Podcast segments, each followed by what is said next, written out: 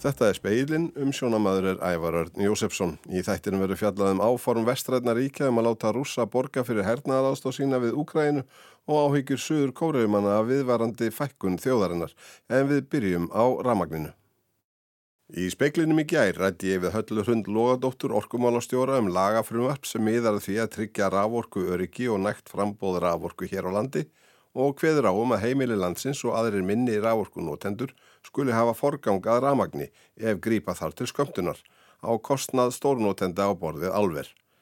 Þessi áformættu mikill anstöðu atvinnureikenda, minni raforkuframleðenda og stóriðunar sem leti til þess að meiri hluti atvinnuveganemdar alþingis sem hafiði frumvarpi til umfjöllunar stakk því ofin í skúfu fyrr í þessu mánuði.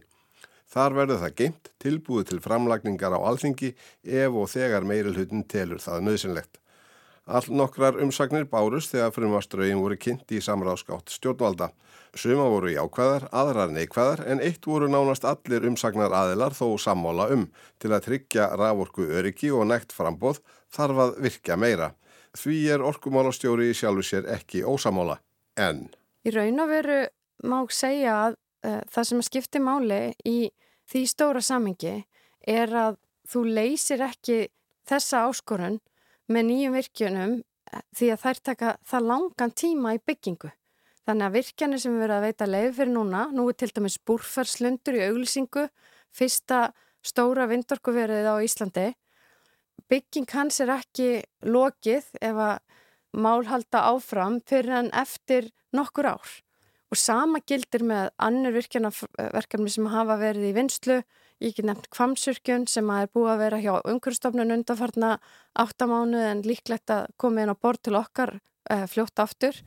Þannig að slíkar virkjanir þær komast ekki gagni fyrir neftir uh, eh, nokkur ár. Og í raun og veru er heldur enginn ekkert öryggi í því að, að það er ekki uh, vissa með það að svo orka sér seld nákvæmlega inn á almannamarkaðin þegar það eru margir sem að eru um hituna og eins og kerfið okkar er í dag að þá er það ákverðum fyrirtækina sjálfra í hvað þau selja orkuna. Þannig að það er ekki en einn handstýringa hálfu uh, hins ofinbera eins og varu þetta áður þegar var verið að fara að stað hérna og ég held að margi gleimi því að, að hlutur til dæmis aðeins og orkustofnunar við erum ekki að grýpa inn í uh, samninga á markaði. Það var hins vegar þannig sem að kerfið beðist upp á sínum tíma En þarf að virka meira?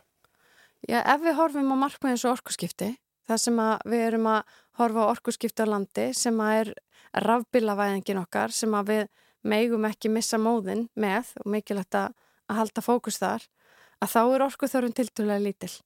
Það er hægt að ná fram tildulega miklum árangri í orkuskiptum á landi með nýtni og öðru slíku.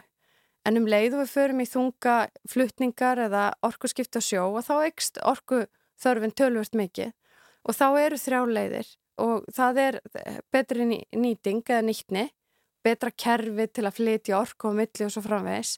E, mögulega verða einhverjar breytingar á, á samningum á milli aðila. Aftur það eru fyrirtekin sem ákveða hvort að þau í hvað þau selja sína orku, þannig að kannski verða einhverja breytingar þar á lengra tímabili. Og svo er það þá ný framlegsla sem kemur á móti. Og þar er verið að horfa á virkunakosti sem eru í, í e, nýtingarflokki.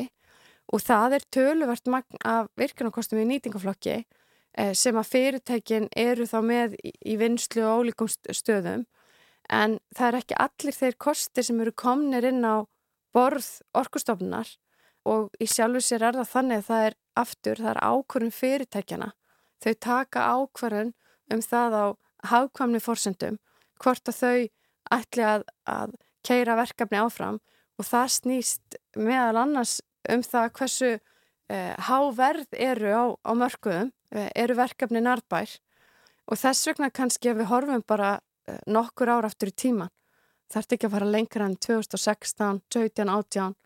Þá var verið að, að slá af stór verkefni eins og alverið í Helgovík og verkefni eins og United Silicon Þannig að við sjáum líka að, að orkumarkaðurinn er kvikur en alveg ljóst samt sem áður að það eru stórverkefni framöndan og, og uh, fyrir sig að það verður nýtt meira af, af orku uh, á komandi árum.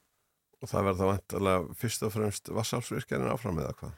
Já, það er óvíst í sjálfu sér. Það, það er virkjana framkvæmdi sem eru inn á okkar borði snúa meðal annars uh, að leifisveitingum sem eru til dæmis kvamsurkjunir verkefni sem er núna hjá umhverfstofnun en eins og ég segi kemur væntalega aftur til okkar. Síðan eru við með uh, ákveðin verkefni sem að snúa vindorkunni og mikið verk óunnið í að klára lögjöf bæði á hafi og landi hvað var það vindorkuna og síðan er það jarðhittin sem að við sjáum og heldur betur að er gullið okkar, eitthvað sem við tökum svo oft sem svo sjálfsögn hlut en er það sem heldur nánast lífi í þjóðinni á, á köldrum veturar dögum sem þessum. Til skamstíma var jarðhittin tali nánast óþrjótandi endur nýjanleg öðlind. Á síðustu misserum hefur þó komið á daginn að svo er ekki. Heldur má ganga svo á hana að hún tæmist hraðar en hún fyllist aftur, eins og dæmin sanna. Halla segir afar mikilvægt að fara vel með jarðhitta öðlindina. Við sjáum það á mörgum stöðum að kerfi sem voru byggð á árunum kannski 65 til 82-3 eru úr sér gengin eða, eða uh, hólur sem hafa verið nótkun lengi. Það þarf að, að leita eftir nýjum uh, stöðum til að bóra á og hér eru við að tala um allt landið, við erum að tala um vestfyrði þar sem orkusjóður var að koma með fjármagn, við erum að tala um á austurlandi, uh, við sjáum þetta auðvitað í bytni á Reykjanesinu þar sem er núna verið að horfa á, á vara í raun og verið aðgengi af hita á fleiri stöðum, láhita eh, eins og njarðvíkur heiði þar sem er verið að vinna boru núna ef að svo eh, illa færi að, að innviður eins og svartsengi myndu lenda í verulegum vanda. Þannig að allt skiptir þetta máli. Ég held varðandi jarðhittan að þetta er auðlind sem að við þurfum að horfa á að eins og segir að Norkunin er ekki ótakmörku þó að við eigum gríðilega mikið af henni þá þurfum við samt sem áður að eins og með allar veðlendir að fara vel með og hafa langtíma hugsun í, í allri nýtingu. Halla segir orkustofnun ekki enn hafa fulla yfir sín yfir það hvað til stendur að virkja á næstu árum. Það stittist þó í að svo verði því unni síðan svo kallari frambóðsbá innan stofnunarinnar byggða á gögnum um allar þær virkjanir sem eru í pípunum. Ætlunin er að spáin verði tilbúin á allra næstu vikum og verður það í fyrsta skipti sem slík heildar yfir sín verður byrt. Hinn viðvarandi krafa um að virka meira er raukstud með viðvarandi eða yfirvóandi orkuskorti. En hvað er framleitt mikið af rafmagni hér á landi og hvað notum við mikið af því? Til að svara þessu á einfaldanhátt að þá eru í raun og veru það þannig að við erum með gríðala mikla umfram eftirspurt. Það er að segja, nún er allur heimurinn að sækist eftir grætni orku og við erum líka að tala um að það er búið að vera orku krísa í Evrópu. Það þýðir að það er mikill áhugi á að kaupa hér orku. Þannig að það mun alltaf verða umfram eftirspurt í svona arferverði og gera maður áfyrir að svo staða haldi áfram. Þessum á ekki ruggla sama við þegar það er verið að tala um skort á almenning þegar það er hægt á að það sé verið að kaupa af sneið almennings. Það er allt annars konar staða heldur en það að vera að takast á um, umfram eftirspurn. Þar koma inn þessar pólitísku spurningar og þær eru að borði alþengis eins og hvað á að samþykja sé verið að nýta marga virkinarkosti í og í hvað, hvaða atvinnustefnu á að marka og annað. Hvernig eiga orkuskiptin að, að fá orku versus önnusverkefni sem að verður sífælt meira og krefjandi viðfársefni því að samkjafnin um þessi takmarkuðu gæði eh, mun verða meiri og meiri og þó orkan okkar sé endur nýjanleg og þó að við eigum fjölbreytta kosti að þá er hún ekki, hún er ekki óendaleg. Á sama tíma vil ég segja að auðvitað er alltaf ferð og flugi í hversu mikla möguleika við höfum í gegnum ólíka tækni. Sólarorka á möguleika á Íslandi á, á hústökum viðaðum land.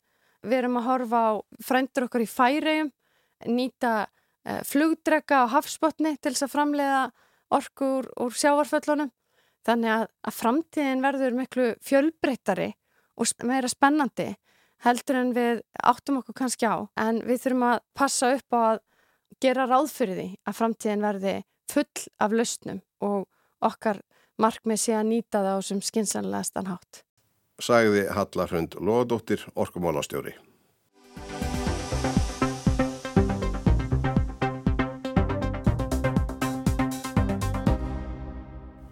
Rússar gætu enda á því að greiða stórum hluta fyrir endur uppbyggingu í Úkrænu og jafnvel fyrir vopnasendingar þangað. Það veldur á áformum vestræðnaríkja um að nota um 300 miljardar evra sem rúsnarsk stjórnvöld eiga en eru fristar í bankastofnunum begja vegna allarsafsins.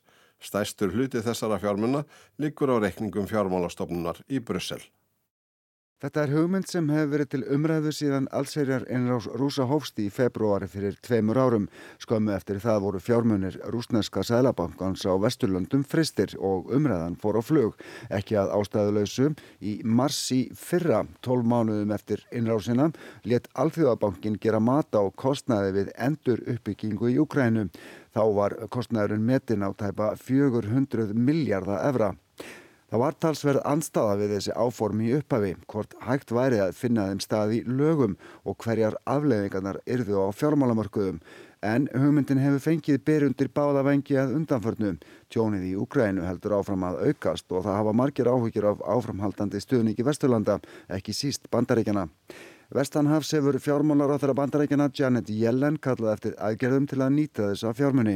Það er lagafrumvarp á leiðinni í gegnum bandarækjathing sem myndi heimila upptöku þessara egna, sumulegðis í Kanada og leðtúar G7 ríkjana, stæstu innríkja heims á að lísti við stuðningi, en líka lagt til að þessir 300 miljardar evra erðu notaður sem trygging fyrir skuldabrefum sem erðu svo seld til að fjármagna enduruppbyggingu í Ukrænum.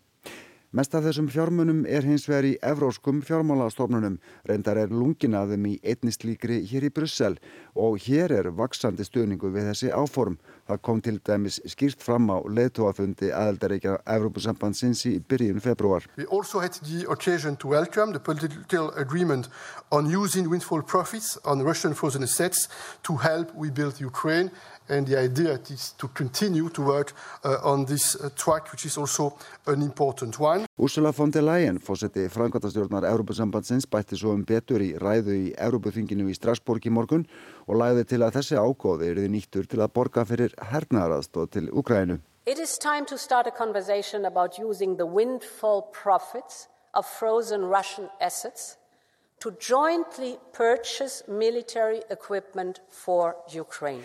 Það veri engin betri leið til að nota þessa peninga, sagði von der Leyen, til að gera Evrópu og Úkrænu að betri stað til að búa á. There could be no stronger symbol and no greater use for that money than to make Ukraine and all of Europe a safer place to live.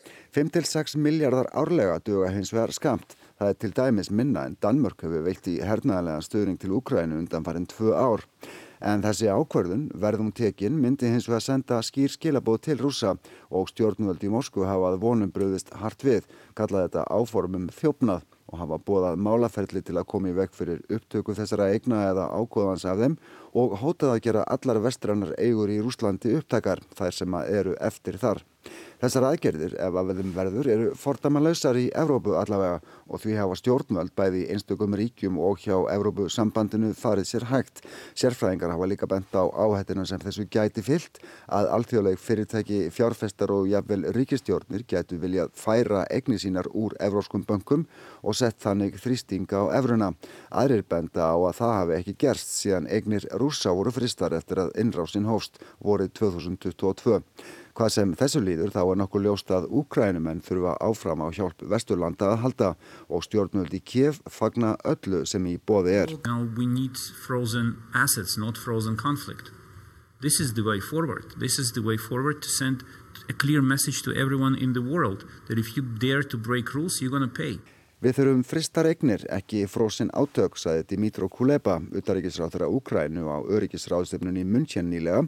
Þetta myndi senda skýr skilabósaðan um að þeir sem brjóta reglurnar þurfa að borga fyrir það. Björn Malmqvist saði frá.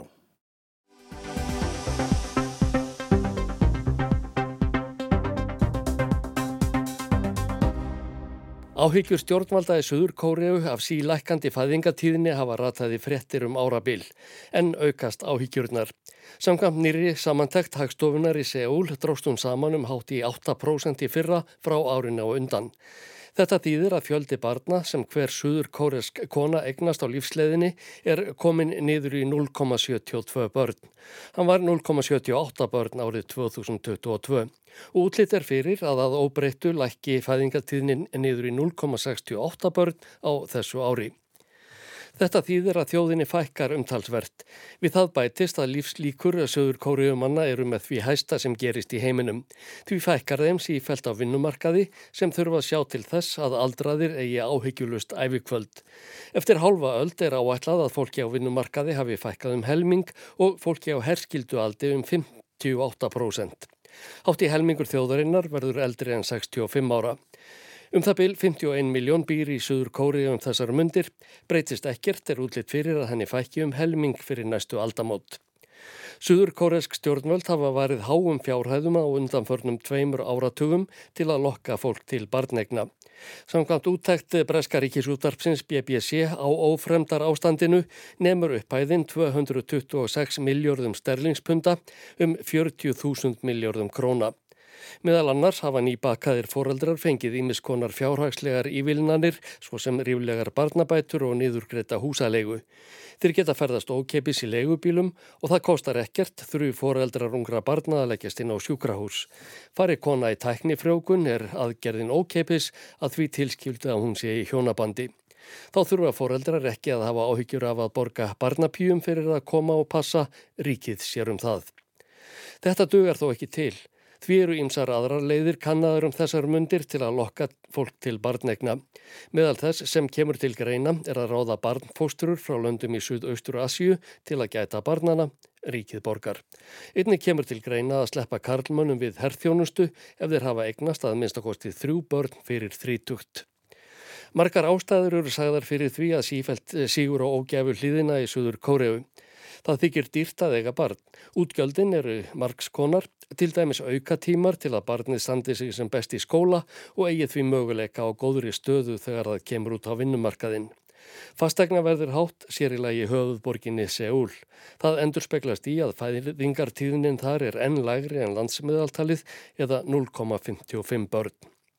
Sérlega hörð samkeppni á vinnumarkaði og miklar kröfur til starfsfólks hafa einnig áhrif.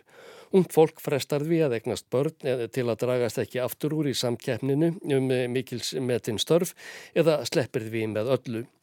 Rauter fréttastofan hefur eftir rúmlegra þrítúri konu sem komin er í stöðu millistjórnanda að henni sækist seint að klífa upp með tórðastigan. Hún segir að þau hjón vildu gerðnan egnast barn en það myndi að líkindum koma vekk fyrir frekari stöðuhækkanir. Í stað þess að fara í teknifrjókun valdi hún að bæta á sig sjálfbóðavinnu innan fyrirtækisins og auka þannig möguleika á meiri starfsframa í framtíðinni. Ástandið vegna lækandi fæðingartíðinni er erfitt víðar enn í Suður Kóriu, svo sem í Japan. Þar hefur fæðingartíðnin lækkað á hverju ári síðastliðin átta ár að fyrr Reuters fréttastofan greindi frá í dag. Fumio Kishida, forsættis ráþara, hefur látið hafa eftir sér að ástandið sé hið alvarlegasta sem stjórnvöld standi frammefyrir um þessar mundir. Hjónavíkslum fækkar einnig stöðugt í Japan. Þar voru undir 500.000 talsins í fyrra og hafa ekki verið færri í 90 ár. Tiltölulega fátíkt er að óskilg getin börn fæðist í Japan. Stjórnvald segja að greipa þurfi til örþrifar á það í vonum að snúma þróuninni við. Jósi Masajósi er á þeirra sem hefur málaflokkin á sinni könnu, segir að stjórnvald hafi fáein ár til að koma með haldbær ráð. Að óbreyttu verði staðan orðin graf alvarleg að sex árum liðnum árið 2030. Fæðingartíðinin í Suður Króriðu hefur um árabil verið þinn læksta í heimi. Frá árinu 2018 hefur landið verið þið eina innan efnahags- og framfarastofnunarinnar og ECD þar sem hún er innan við eitt barn. Til þess að mannfjöldin haldist meðal þjóða þurfa konur að eignast að meðaltali 2,1 barn. Hlutfallið er við að komið niður fyrir það mark, engum í þróuðum ríkum. Á Íslandi er það 1,6. Áskei Tómasson saði frá. Fleira er ekki í speklinum, tæknum að það var Magnús Þorstein Magnússon Hlustam á þáttinni í spilaranum okkar á rú.is. Veriði sæl.